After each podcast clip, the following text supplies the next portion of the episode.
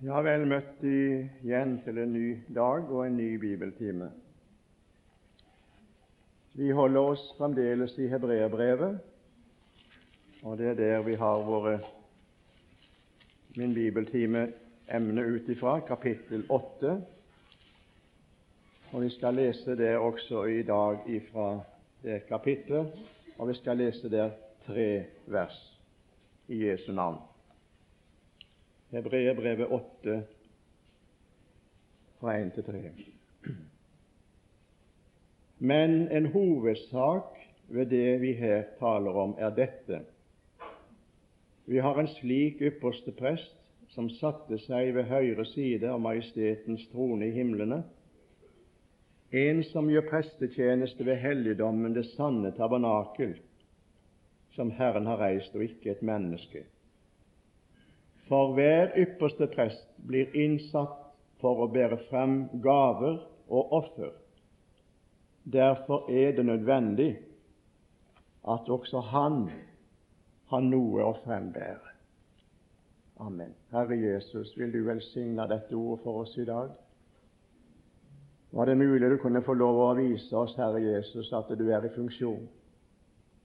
Du har ikke bare satt deg ved Faderens høyre side, men du er i prestelig tjeneste, og du har noe du frembærer. Herre Jesus, du måtte nødvendigvis ha det. Som ypperste presten bar fram både gaver og offer, må du også ha noe å frembære i, i den himmelske helligdom. Herre, må du velsigne nå denne stunden for oss. Vi legger den i dine hender. Amen. En hovedsak i frelsens budskap. Jeg kan ikke repetere noe av dette, men eh, hovedsaken i det hele det er det som vi leser her, at vi har en slik, en sådan ypperste prest som satte seg. Vi har talt litt om det. Ypperste presten i den gamle pakt han kunne ikke sette seg i helligdommen. Han måtte forrette, gå ut igjen, og inn neste år når Kristus går inn i den himmelske helligdom, som er faktisk alt alle helligdom og alle Ja, vi kan se både tabernaklet og, og tempelet for så vidt bare var forbilder på. Så gikk han inn og satte seg der. Og Det har jo, har vi jo understreket at det har jo forteller oss det at Gud er tilfredsstilt med det offer som nå er båret inn. Han ber ikke lenger om at det skal komme inn noen nye offer, for det båret fram det fullkomne offer. Så vi skulle sagt mye mer om dette, at det er en hovedsak at vi har en som satte seg. Jeg vil gjerne bare nevne det her at det er jo mer jeg blir opptatt med det, jo mer, jo mer glad blir jeg i mitt hjerte at jeg har en frelser som har satt seg i helligdommen, og dermed er ferdig med Det er noe som er avslutta. Det er noe som han er ferdig med. Og når han hang på Golgata kors, ifølge Johannes 1930, så sa han det er fullbrakt. Og dermed er det gjort. Så er det det fullbrakte frelsesverket da som ble båret inn ved Jesu blod i himmelens helligdom. Nå er vi inn på det andre punkt i denne bibeltimerekka her. Og Jeg vil gjerne da bare understreke det at eh, vers 2 taler da om at han har i prestelig tjeneste ved helligdommen, det sanne tabernakel. Han er altså ikke bare en som satte seg og hviler seg, men han er i virksomhet.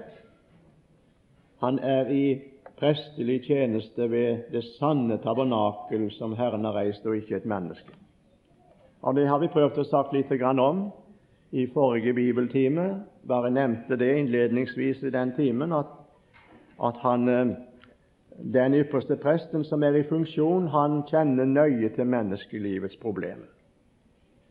Og Det er veldig for meg å kunne få lov å understreke det igjen i dag, at han er prøvet i alle ting i likhet med oss. Så når, når Bibelen taler om Jesus som er i funksjon i himmelens helligdom som ypperste prest, i prestelig tjeneste, så sier Bibelen det er mennesket Kristus Jesus som er mellommannen der mennesket Kristus Jesus prøvd i alle ting i likhet med oss. Han kjenner nøye til det liv som vi får lov å leve her på denne jord. Og derfor han sjøl har litt og blitt fristet, kan han komme den til hjelp som blir det. Og Det er det han er interessert i. Og Jeg vil gjerne si det her i formiddag at jeg tror han er mye mer interessert i denne forsamlingen og i oss som er samla her, enn vi kan tenke noen gang. Og han veit nøyaktig hvordan det er å være menneske her på denne jord. Og Du skal vite det, du som er på, på bibeltime i formiddag, og som er kommet hit til dette kurset, som har det vanskelig som menneske. Skrøpelighet og svakhet som menneske. Du skal vite det, det er en ved Faderens høyre side som er i funksjon for deg, og han kjenner, han, han kjenner med deg, og han har medynk med din skrøpelighet. Slik står det i Bibelen. Du skal vite det, at han er ikke uinteressert i dine problemer.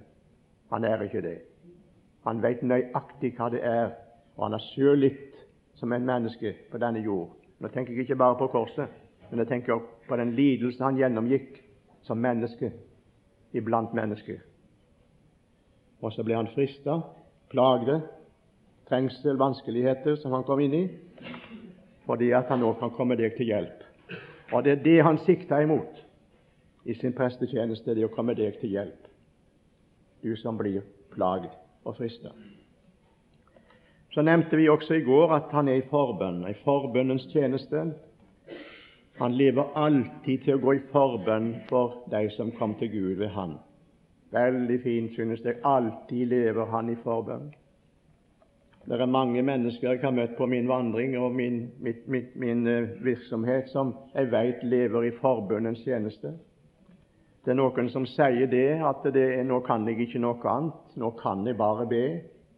Og Jeg har sagt det til så mange slike, flere slike. Det er ikke bare det, dere. Nei, det er ikke bare det. Det er noe veldig, det er en veldig tjeneste, det å kunne få være i forbønnens tjeneste. Jeg vil gjerne si det. Men om din forbønnstjeneste skulle svikte, så svikter det ikke hans forbønnstjeneste. Det er fint når du, finner, når du møter en person som jeg møtte for ikke så veldig mange år siden. Han er borte nå. Og så sa han det til meg, denne mannen jeg kunne godt nevne navn på han, mange ville kjenne han. Så sa han, du Henrik, jeg, jeg ber for deg ennå. Jeg ber for deg ennå. Du står på min bønneliste, men nå er han borte. og Derfor er en, en forbønn en forbeder mindre i denne verden. Men jeg er veldig glad for at jeg skal få lov til å si det at jeg tror at han ber for meg, han som sitter ved Faderens høyre side. Han er ikke slutta å be. Han lever i forbønn. Og Vi nevnte det i går her, bare nevne det ganske kort innledningsvis her, at når han møtte Simon Peter, så sa han Simon, jeg ba for deg at din tro ikke måtte svikte. Jeg tror han lever i, i forbønnens tjeneste på det feltet. Troen det er ikke min sak, det er ikke vår sak, men det er Guds sak i våre liv. Det er en, det er en Guds inngrep ved Guds makt blir jeg holdt oppe ved troen til den frelse som er ferdig. Jeg skal ikke si mer nå om det, men nå skal vi gå inn på det som vi har i vers 3 her i Hebreabrevet 8. Jeg har vært borte i det litt grann i de andre foregående bibeltimer, men nå skal vi prøve å stanse litt ved det. For hver ypperste prest blir innsatt for å bære fram gaver og offer. Derfor er det nødvendig at også han har noe å frembære. Og Nå kan vi gjerne stille det spørsmålet her hva er det egentlig nå den Herre Jesus bærer fram i helligdommen i dag? Er han ypperste prest ved Faderens høyre side, så har han noe å frembære. Han frembærer gaver og offer som ypperste presten gjorde det. Og Jeg må gjerne få lov å nevne det her at, at det, er, det, er, klart for meg personlig at uh, her er det to ting, veldig to viktige ting som skjer i den himmelske helligdom, der Kristus er i prestelig tjeneste. Han må nødvendigvis ha noe å frambære. fordi det hadde den gamle ypperste, prest i den, ypperste presten i den gamle pakt. Og Nå har vi talt om det på disse andre bibeltimene, at han, han bar seg sjøl, han gikk inn i helligdommen med sitt eget blod. Og Det kan vi også se igjen i dag, i kapittel 9, blant annet. Eh, skal vi bare ta det med her.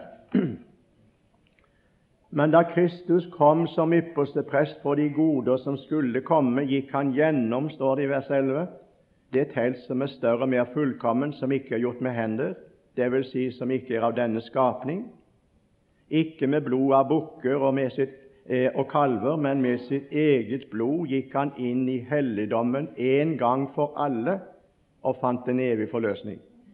Og så kommer det som skal understreke. For så sant blodet av bukker og okser og asken av en kvige helliger til kjødets renhet, når det blir stenket på den som er urene, hvor meget mere skal da Kristi blod, som i kraft av en evig ånd bar seg selv frem Dette skjedde i fortid. Han bar seg selv frem som et lyteløst offer. Men nå kommer det som skjer i dag rense vår samvittighet fra døde gjerninger, så vi kan tjene den levende Gud. Jeg vil gjerne få lov å si det slik at det som Kristus som ypperste prest i prestelig tjeneste ved helligdommen gjør, det er å gjøre sitt offer gjeldende for oss til enhver tid. Blodet som han bar inn i helligdommen, bar han inn en gang for alle til en evig forløsning Grunnlaget er lagt. Men det som nå skjer, det er det at han lar dette blod gjelde oss til enhver tid. Og Da synes jeg det at Bibelen den klart og tydelig taler til oss, i Hebreerbrevet spesielt da, men også i Johannes første brev, der som vi vandrer i lyset like som Han er i lyset, har vi samfunn med hverandre. Og Jesus Kristi, Hans Sønns blod, renser oss fra all synd. Det er vidunderlig godt å kunne få lov å vite det her i denne stund, at når Jesus gikk inn i himmelens helligdom for snart 2000 år siden, gikk han inn med sitt eget blod, det er hovedsaken, og satte seg der, og gikk inn og fant en evig forløsning. Men det som er så fint for meg å kunne få lov å peke på i denne formiddagstime, det er det han gjør dette frelsesverket gjeldende til enhver tid, og at blodet gjelder der oppe som renselse for oss på jord. Det synes jeg er vidunderlig å kunne få understreke. Så blir det ikke spørsmål da om jeg får det til med min bekjennelse av min synd. Jeg får det ikke til, du. Og Mange ganger så kan vi, gjerne, kan vi gjerne føle på det og kjenne på dette at det, det skulle vært mer alvor, og det skulle blitt mer nød, og det skulle vært mer ruelse osv. over oss. Det skulle vært mye mer av anger og bot. Det snakkes jo veldig mye om det. Jeg må gjerne få lov å spørre hvor mye skal det til av anger og bot? Hvor mye skal det til av bekjennelse før det gjelder det i himmelen? For blodet renser. Skal jeg få lov å sitere for deg nå det som står i Johannes første brev? Kanskje du kan slå det opp? Det andre kapittel, vers 1 og 2. Jeg har et inntrykk av det at det er mange av oss troende som er inn veldig lett for å komme inn i trelldom når det gjelder dette med synsbekjennelse. Får det ikke skikkelig til. Nei, hva skal du få det til? Hvordan skal du få det til? Er det det som er om å gjøre at du får det så bra til med munnen at, at nå kan du virkelig få si nå har jeg bekjent skikkelig, nå må han vel tilgi? Vil du høre hva det står her nå? Mine barn, dette skriver jeg til dere for at dere ikke skal synde. Og hvis noen synder, hva så? Har vi en talsmann hos Faderen, Jesus Kristus, den rettferdige. Og han var en soning for våre synder. Nei, nei, det står ikke i fortid, det står i nåtid, kjære venner. Og Han er en soning for våre synder. Ikke bare for våre, men for også for alle, hele verden.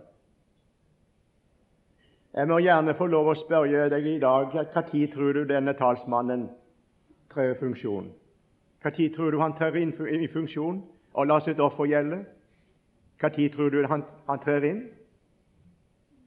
Nei, han venter til det du har bekjent skikkelig og kommer virkelig i nød og i ruelse og anger og bot.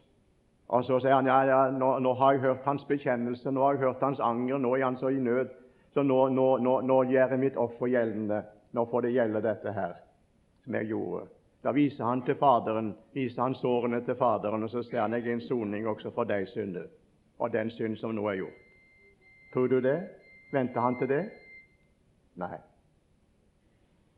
Jeg er veldig glad fordi jeg kan få lov å understreke det her, at denne talsmannen, som betyr egentlig en advokat Advokatus, en advokat eh, I svensk bibeloversettelse står det 'en førespråkere'. En førespråkere. En som tar og taler saken før kanskje du er kommet til din erkjennelse en gang. Ja, det står nå her vi har en talsmann hos Faderen, en førespråker, en advokat, som i det øyeblikk en troende har synda, det står det, dersom noen synder, da har vi, hos, da har vi en talsmann. Har vi en talsmann? Før du kan virkelig forstå at det er noe du må ordne opp med innenfor Gud, har han vært innenfor Faderen og talt din sak. Og hva sier han så? Han sier det også den synd, Fader, er jeg en soning for. Og du må gjerne ta det med deg fra denne time i dag. Han er, han er før ute med sin advokatgjerning før enn du kan summe deg og bekjenne den synd som du har gjort innenfor Gud.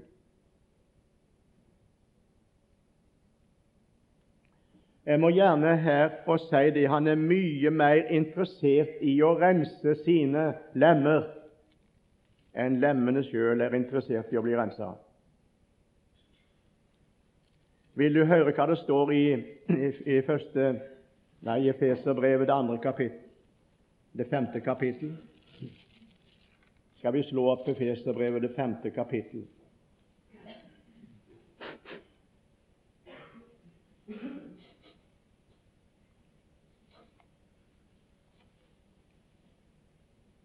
Ja, Du kjenner sikkert til det som står i der i det kapittelet der. Når det står det, det står ikke om de ufrelste her, men her står det om menigheten. Og Jeg må gjerne få si det her at uh, det står i vers 26, vers 25 og 26 Dere menn, elsk deres hustruer liksom Kristus elsket menigheten og gav seg selv for dem, for å hellige den ved å rense den ved vannbad i ordet. Han renser sin menighet. Og Jeg kan gjerne her få understreke det i, i denne formiddag at han er mye mer interessert i å ha din, en rensa menighet på denne jord enn menigheten i troende er interessert i å bli rensa. Han vil ha et rent legeme. Og Jeg må gjerne her også henvise til det som jeg har sitert i andre bibeltimene, jeg er så glad i det ordet der i Hebreerbrevet 9, 24. Ja, Vi kan ta vers 22-24. Eh, For dette har med menigheten, dette har med de frelste, de himmelske ting å gjøre. Det er ikke de himmelske de tingene som var i tabernaklet, i den jordiske helligdom, som er det avgjørende her det tales om, men det er de himmelske ting. Og Jeg kan ikke se noe annet enn at de himmelske ting det er, det er Herrens venner, det er Guds forsamling, det er de troende det tales til her. Det er ikke noe i himmelen som skal renses, for det er rent. Men det er vi som lever i menigheten her på jord. Hva står det der? 22. Etter loven blir nesten alt renset med blod, og uten at blod blir utgitt, blir ikke synd tilgitt. Det er altså nødvendig at avbildene, av de himmelske ting, som da hører loven til, og lovens pakt og lovens gudstjenestevesen til. Avbildene av de himmelske ting blir renset ved slike, eller ved slikt. Men selve de himmelske ting må bli renset ved bedre offer enn disse. Det kan, være, det kan ikke være mulig å bli renset på noe av de jordiske, av de avbildelige tingene. Nei, det hadde loven til og den gamle pakt til. De himmelske ting må bli renset ved bedre offer enn disse. Og så kommer det da selve grunnlaget her. For Kristus gikk ikke inn i en helligdom som var gjort med hender, og bare var et bilde av den sanne helligdom. Han gikk inn i selve himmelen for nå å åpenbares for Guds åsyn for vår skyld. Jeg har vel sitert det flør i disse bibeltimene her at uh, i nynorsk oversettelse står det 'Han syner seg for Guds åsyn for vår skyld'. Og Jeg må gjerne her nå for, bare få nevne det for deg her. Det det er veldig å kunne vite det, at jeg har en frelser som er en soning for mine synder, og som nå åpenbares for Guds åsyn som i prestelig tjeneste i den sanne tabernakel og syner seg for Guds åsyn for min skyld nå. Det er ikke slik, venner, at han bare gikk inn i himmelen og satte seg, og så var det, så var det liksom det var alt som skulle gjøres. Nei, han gjør sitt offer på Golgata gjeldende til enhver tid, og blodet hans er ikke bare båret inn som en evig forløsning, men blodet hans er i himmelens helligdom, og der renser det vår samvittighet fra døde gjerninger til å tjene den levende Gud.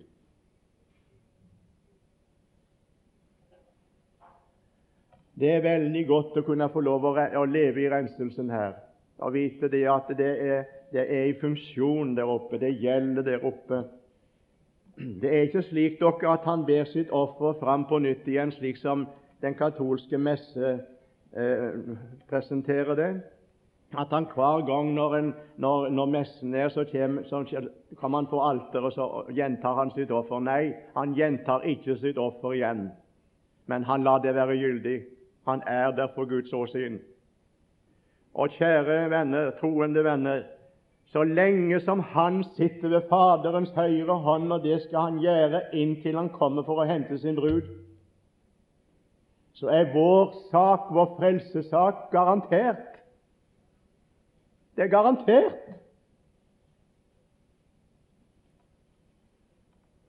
Han ble Jeg skal komme inn på det i en annen neste bibeltime, som blir den siste da, ettermiddag. Det står nemlig det her at han ble opphav til evig frelse for alle de som lyder Han. Og lyder Han, det betyr å tro Han. Troens lydighet, som vi hører så fint om i andre bibeltimer. Fullkommen frelse taler også hebreerbrevets forfatter om.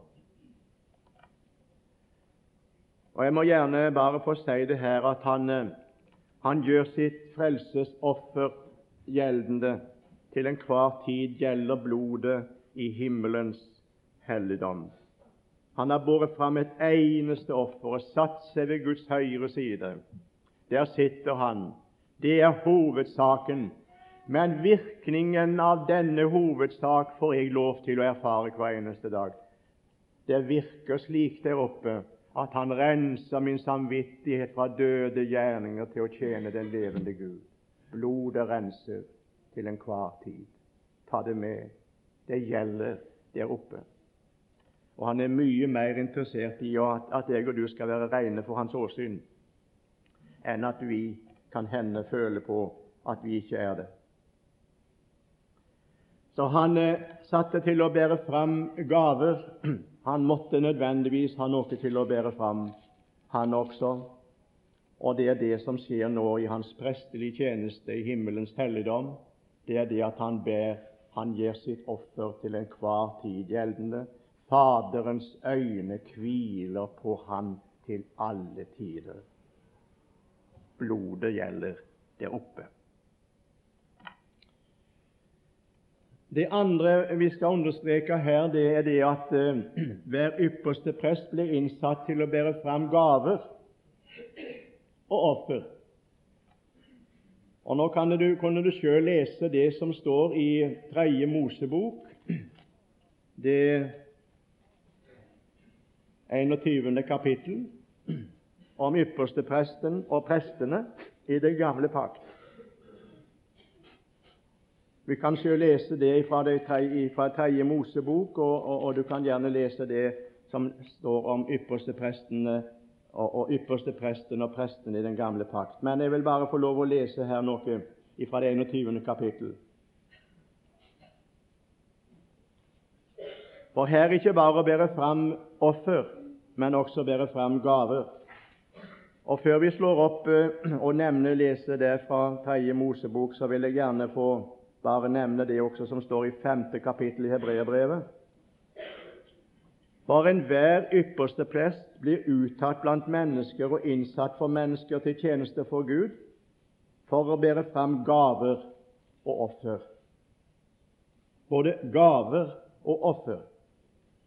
Og Nå står det her i det 21. kapittel i 3. Mosebok står det det om Aron og hans ett. Vers 17.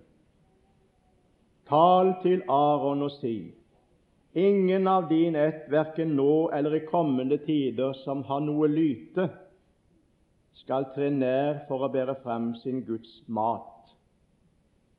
Det har ikke noe med, med frelses- og soningsoffer å gjøre. Det har med gaver å gi, gi helligdommen. Ingen som har noe lyte, skal tre nær. Ingen som er blind eller halt, eller har noe ansiktslyte, eller et lem som er for stort. Ingen som har brukket fot eller hånd. Ingen som er pukkelrygget eller dverg, eller har en hvit flekk på øyet, eller har skabb eller noe annet utslett eller som har fått sine stener knust. Ingen av presten Arons ett som har noe lite, skal til nær for å bære frem Herrens ildoffer. Han har et lyte, han skal ikke tre nær for å bære frem sin Guds mat. Han kan få ete sin Guds mat, både av det høyhellige og av de hellige gaver. Men han må ikke gå frem til forhenget og ikke tre nær til alteret, fordi han har et lyte. Han skal ikke vanhellige mine helligdommer, for jeg er Herren som helliger dem. Så står det Moses sa dette til Aron og hans sønner til alle Israels barn. Nå heter det her i kapittel 8 i Hebreerbrevet at den ypperste prest han ber fram gaver. Derfor må også Kristus nødvendigvis, heter det, ha noe å bære fram. Og Jeg har tenkt litt på dette. Hva er det egentlig som ligger i dette at han ber frem gaver? Og så heter det her, da vet du, i Den gamle testamentet, i tredje kapittel, at prestene kunne ikke bære frem gaver hvis det var noe lyte på dem. Ingen kunne gå inn i tjenesten i tabernakelet hvis det var lyte på noe sett eller vis. Og det var ikke noen som kunne bære frem gaver som hadde noen vanskeligheter på det settet å gjøre. Og Jeg må gjerne få lov å spørre hva er det egentlig Kristus ber fram nå, da? Hva er det egentlig som skjer i himmelens helligdom når Han bærer frem gaver? Hva er det Han bærer fram? Hva er det Han presenterer for Gud? Hva er det som er maten for Gud? Guds mat, heter det. Han bar maten inn, ildofferet inn, men han måtte ikke ha noe lyte. Kan jeg få lov å si det til deg nå her i denne stund, i denne forbindelse, at jeg tror det, at det som står i Efeserbrevet, det femte kapittel, og det skal vi slå opp nå. Jeg må bare få si det her at det er én ting dere. Det er én ting som Faderen er veldig interessert i å få, å få. Ja, kan jeg få lov å si det på den måten blir båret fram for hans åsyn, det er det som vi nå leser i Feserbrevet 5. Jeg er klar over det, at det som står nå her i Feserbrevet 5, har med fremtiden å gjøre, da Kristus skal komme og hente sin menighet og sin brud og fremstille dem i hellighet. Jeg er veldig glad for jeg kan få lese det, at en dag så skal Han komme som er vårt liv, og så skal vi åpenbares med Han i herlighet. Og så skal Han fremstille oss for Faderen. Se, her er jeg av de barn du ga meg. Jeg er ikke klar over det, og jeg er veldig glad for at den dagen nærmer seg. Han skal fremstille menigheten for seg sjøl, men han skal også fremstille menigheten for Faderen og si Her er jeg fordi du ga meg. Men jeg tror, kjære venner, at han ennå gjør det i dag. For hva er det å være en kristen? Er å være en kristen og være en troende på denne jord er ikke bare tro på Jesus som sitter i himmelen ved Faderens høyre side. Det er veldig å tro det. Det er hovedsaken. Men det som er enda, enda større og enda mer tyngde over når det gjelder denne sak, det er det at å vite at Gud har satt meg med Han der. Jeg sitter der, jeg også. Bare les Efeserbrevet kapittel 2. Jeg skal ikke, skal ikke, behøver ikke slå det opp. Kapittel 2, 6. Han oppvakte oss med ham og satte oss med Han i himmelen i Kristus Jesus. Så her er det nemlig så vidunderlig stort at å være en kristen det er ikke noe mindre enn å være satt med Jesus i himmelen og Kolossabrevet, uten å slå det opp nå, Kolossabrevet 3 og vers 3 og 4. Dere er jo døde, og eders liv er skjult med Kristus i Gud. Når Kristus, vårt liv, åpenbares, skal vi åpenbares med Han i herlighet. Nå skal vi lese fra Efeserbrevet 5. Vi må lese det igjen, det som jeg siterte her tidligere. Dere menn, Elsk deres hustruer liksom også Kristus. Elsket menigheten og ga seg selv for den, for å hellige dem ved å rense den ved vannbad i ordet, slik at han kunne stille menigheten fram for seg i herlighet, uten flekk eller rynke eller noe slikt. Det er ikke lyte men at den kunne være hellig og ulastelig. Og Nå skal jeg gjerne få lov å disse minuttene jeg har tilbake nå i denne bibeltime, få si det Kristus nå gjør, ikke bare å gjøre sitt offer gyldig innenfor Gud og enhver tid, at Faderens øyne hviler på ham. Men det han gjør, venner, det er til enhver tid å presentere sin menighet for Faderen som hellig, en hellig gave for Gud velbehagelig for Gud. Gud ser Kristus ved sin høyre side, men han ser også menigheten, de frelste, de troende, i Han. Og så presenterer han deg og meg på en fullkommen måte. Han har ingen lyte, og vi er hellige og ulastelige i Han. Det er en veldig sak. Og Nå skal jeg gå til et par-tre bibelord. Jeg er så glad i 1. Johannes brev, kapittel 4. Og Kanskje du kan slå opp det med meg. For her er, her er en gave som Faderen ønsker til enhver tid å, å ta imot. Det er en mat for Gud når Faderen blir, når Kristus presenterer sin frelste menighet i sin person framfor Gud. Det er maten som Gud ønsker å, ta imot. Kapittel 4, vers 17. 1. Johannes brev 4, 17.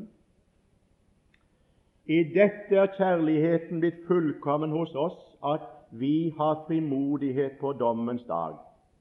Og så begrunner apostelen hvorfor vi har denne frimodighet. Og denne begrunnelse den slår faktisk inn allerede her. Og så sier han For slik som Han er, slik er også vi i denne verden. Du store Gud, Altså, Gud ser på, far, på Jesus, og så sier han slik som han er, slik er de troende nede på jorden. For de er nemlig satt med Han her. Og det er ingen mindre enn Gud som har satt deg der. Det er ikke du som har funnet på det. Gud satte deg med Jesus i himmelen, og så sier han slik som han er, slik er du som vandrer her nede på denne jord. Gud regner slik. Nå skal vi gå til første, kapittel, første Korinterbrev, kapittel 15. Her er en side ved det kapittelet der som sjelden blir talt om, tror jeg. I alle fall ofte. Jeg har ikke hørt det så ofte det blir forkynt. Kapittel 15 i, Hebrev, i, i 1. Korinterbrev det blir nok forkynt som oppstandelseskapitlet. Men det er veldig lite at vi, vi hører at det blir forkynt fra 1. Korinterbrev fra det 45. verset. Men her skal vi ta det med i dag i denne bibeltimen. Slik står det også skrevet Ja, det står også skrevet slik Prise Gud. Det første mennesket, Adam, ble til en levende sjel. Adam i Edens hage. Og så kommer det et navn på Jesus som er veldig viktig for oss å understreke. Den siste Adam det er Kristus, ikke den andre. Det kommer ikke flere. Den siste Adam blir til en ånd som gir liv. Men det åndelige er ikke det første, men det naturlige. Deretter det åndelige. Det første mennesket var av jorden jordisk.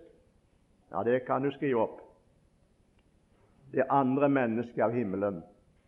Det er like sant. Som den jordiske var, som Adam var, slik er også de jordiske av naturen. Det er helt sikkert det. Men så står det her i vår oversettelse kanskje litt ikke slik så sterkt som det heter egentlig i grunnteksten.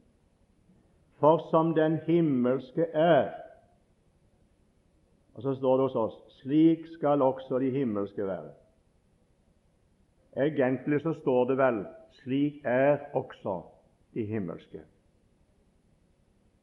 Det skal ikke være det, men de er det. Og Nå skal jeg gå tilbake til Hebreerbrevet, det tiende kapittel. Og så skal du ta med det som står i det, for det er ikke bare syndstilgivelsen. Kjære venner, det er veldig stort å kunne få si det, at det er synstilgivelsen som er det primære og viktigste for oss. Ja, det er det. Og vi har understreket det så sterkt vi kan i, i disse bibeltimene, så langt som jeg har fått nåde til det, at det er en hovedsak. Men nå skal du høre hva det står i Hebreerbrevet, det tiende kapittel. Og nå skal vi lese litt ifra, ifra det kapittelet der. Vi kan ta for sammenhengens skyld fra vers 5. Derfor sier han når han tar inn i verden Offer og gave ville du ikke ha, men et legeme dannet du for meg. Brennoffer og syndoffer hadde du ikke lyst til. Da sa jeg, se, jeg kommer. I bokrullen er det skrevet om meg for å gjøre din vilje, Gud. Først sier han altså offer og gaver og brennoffer og synder, for ville du ikke ha, hadde du ikke lyst til, enda disse ble båret frem etter loven. Deretter sier han, se, jeg kommer for å gjøre din vilje. Han tar bort det første for å la det andre stå fast. Og så kommer det Ved denne vilje er vi blitt frelst. Det står ikke det her.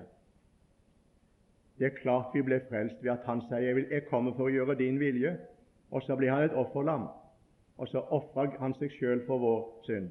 Nei, her står det 'Ved denne vilje er vi blitt helliget ved at Jesu Kristi legeme ble ofret én gang for alle. Og hver prest står daglig og gjør tjeneste og bærer mange ganger frem de samme offer, de som aldri kan borte av syndet. Men Jesus har båret frem et eneste offer for synder og har derefter for alltid satt seg ved Guds høyre hånd. Nå venter han bare på at hans fiender skal bli lagt til skamme for hans føtter.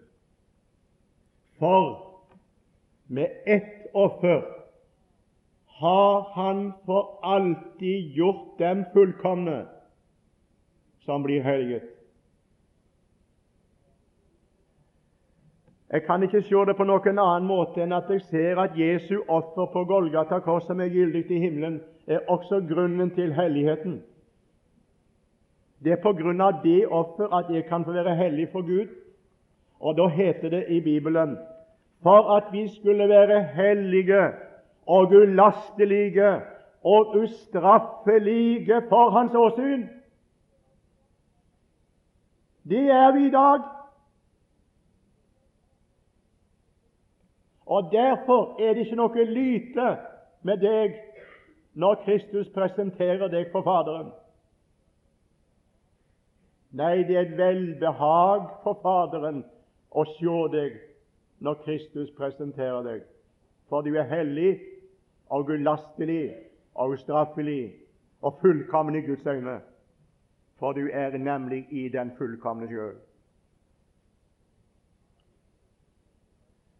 I tredje kapittel i Hebreabrevet så står det det at vi har en apostel og ypperste prest, og vi skal gi akt på han.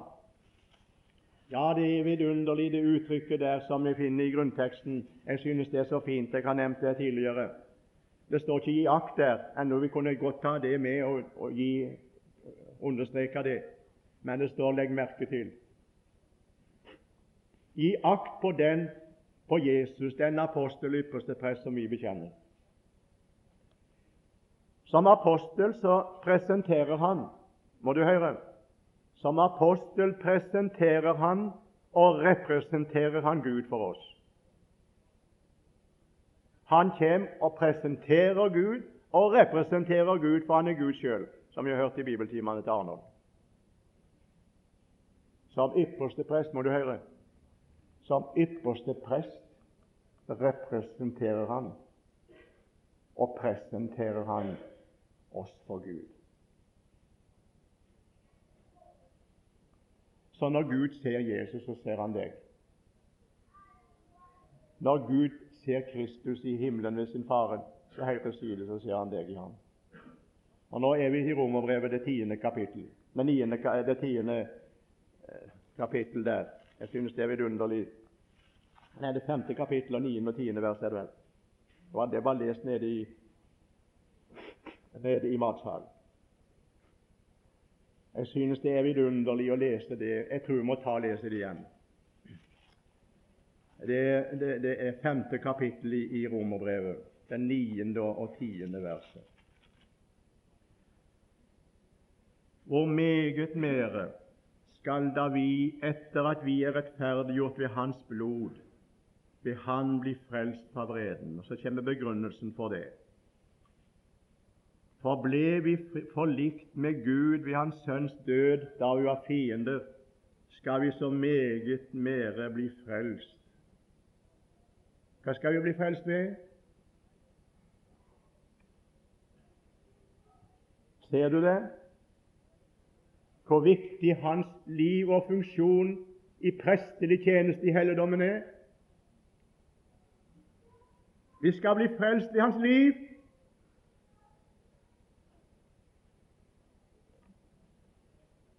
Og kan ikke du presentere og representere Gud slik som du skulle, og Jesus din frelser på jorden som du skulle, og jeg skulle? For det, det er langt ifra at vi gjør det, nemlig. Kan jeg få lov å si det her i dag, uten at det skal være noen sovepute, for det skal det ikke være for oss. Det mener jeg ikke med det. Men jeg vil gjerne si det her. Han presenterer og representerer deg fullkommen for Gud. Slik som han er, slik er du på Valderøy bedehus i denne formiddag. Slik ser Gud deg, og det er et velbehagelig gave. Han viser deg, han fremstiller deg for Gud, hellig og fullkommen for sin åsyn. En dag så skal vi få lov å oppleve det, men allerede nå gjør han det. For at vi, Han utvalgte oss i Han før verdens grunnvoll ble lagt, for at vi skulle være hellige og ulastelige. Og så står det en annen plass og ustraffelige for hans åsyn.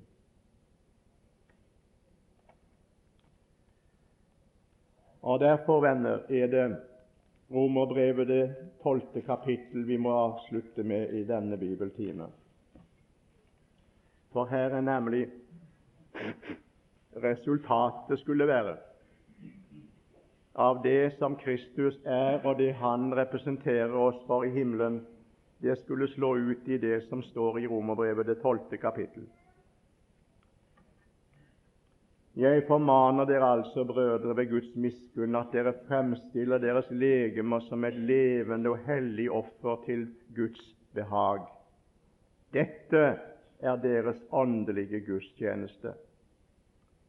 Og sikk dere ikke lik med denne verden, men bli forvandlet deres sinn. Bli forvandlet ved deres sinn så dere kan dømme om hva som er Guds vilje, det gode, det som Han har behag i, og det fullkomne. Jeg vil gjerne bare få understreke dette her, at det er noe som Gud har behag i. Det er det gode og det fullkomne. Det er mange mennesker som sliter dette med sin helliggjørelse. Og Jeg har inntrykk av det mange ganger at dette med helliggjørelsen det er noe som jeg sjøl skal foreta meg. At jeg blir frelst og rettferdiggjort av nåde, og at Gud frelser og rettferdiggjør meg for Jesus skyld. Men helliggjørelsen det er et, et strev ifra tidlig morgen til sene kveld. Det er noe jeg skal streve med. Det er noe jeg sjøl skal jage etter og prøve å få del i. Jeg vil gjerne få lov å si det står i Bibelen at du skal jage etter helliggjørelse, men det står ikke at du skal jage etter det. Men det betyr å strekke seg etter det og ta imot det som allerede ligger til rette. Og Jeg må gjerne her få si det helliggjørelsen Når vi kommer inn på dette, så er det ikke noe som du skal prestere, men det er noe du skal være gjenstand for. Du kan gå bort til et frukttre i hagen og si 'Hva gjør du egentlig for å bære de eplene?' Hva gjør du egentlig for å bære de eplene der? Det er et epletre. Om treet kunne svare, så sier jeg gjør egentlig ingenting, jeg står i stammen. Og så er det sevjen og saften og kraften i treet som skaper både blad, blomster og frukt. Vet du hva helliggjørelse er for noe? Helliggjørelse det er en frukt av livet i Jesus. Det, det er Jesus livets frukter i mitt liv.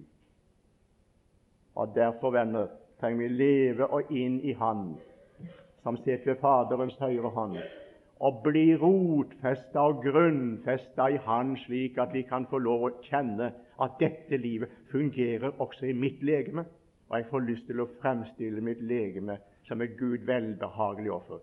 Det blir, da blir ikke min vandring et strek over, et kryss over min bekjennelse og min tro på Jesus. Nei, det blir et resultat En kan ikke leve på kollisjon med evangeliet. En må få leve i samsvar med evangeliet. Evangeliet er også en kraft ikke bare til frelse, men en kraft til liv og en kraft til tjeneste. Jeg må fortelle den lille stubben før jeg går ned, om Spurgeon, den engelske baptistpastoren, var en dag ute på på gata i London og spaserte. og Så kom det en ungdom, og han var journalist fra et tidsskrift, kristen tidsskrift, denne unge gutten, eller unge mannen. Og Så stanset han spørsmålet på gata. Han visste ikke det var Spurgeon. Men så spør han, og det var, var ikke bare han han spurte, men det var andre også. Si meg en ting, spurte denne unge mannen. Er De på vei til himmelen? Spursion så på den unge gutten, og så sa han følgende Ja, det er jeg egentlig, for jeg bor der. Og du vet, Da ble det et pling vet du, der i den unge gutten.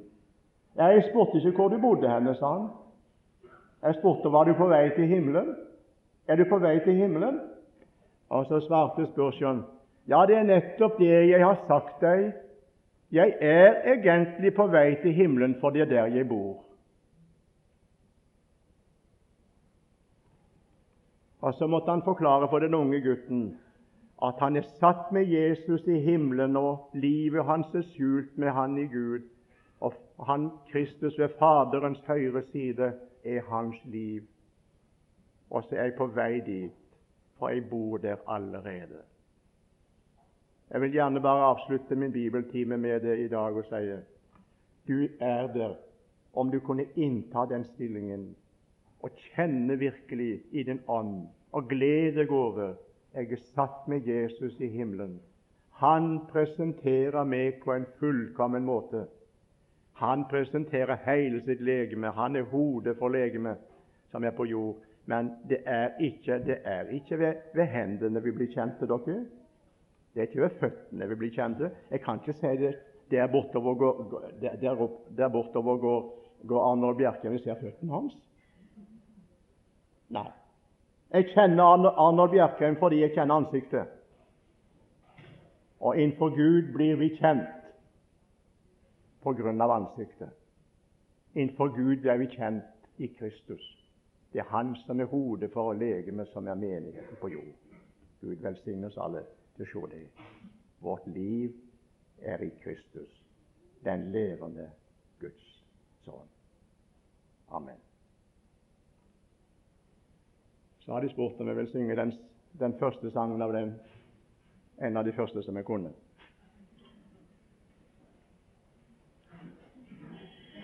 Vil Signe spille til meg? Er hun ikke her? Nei vel. Da tror jeg jeg bare får la det være.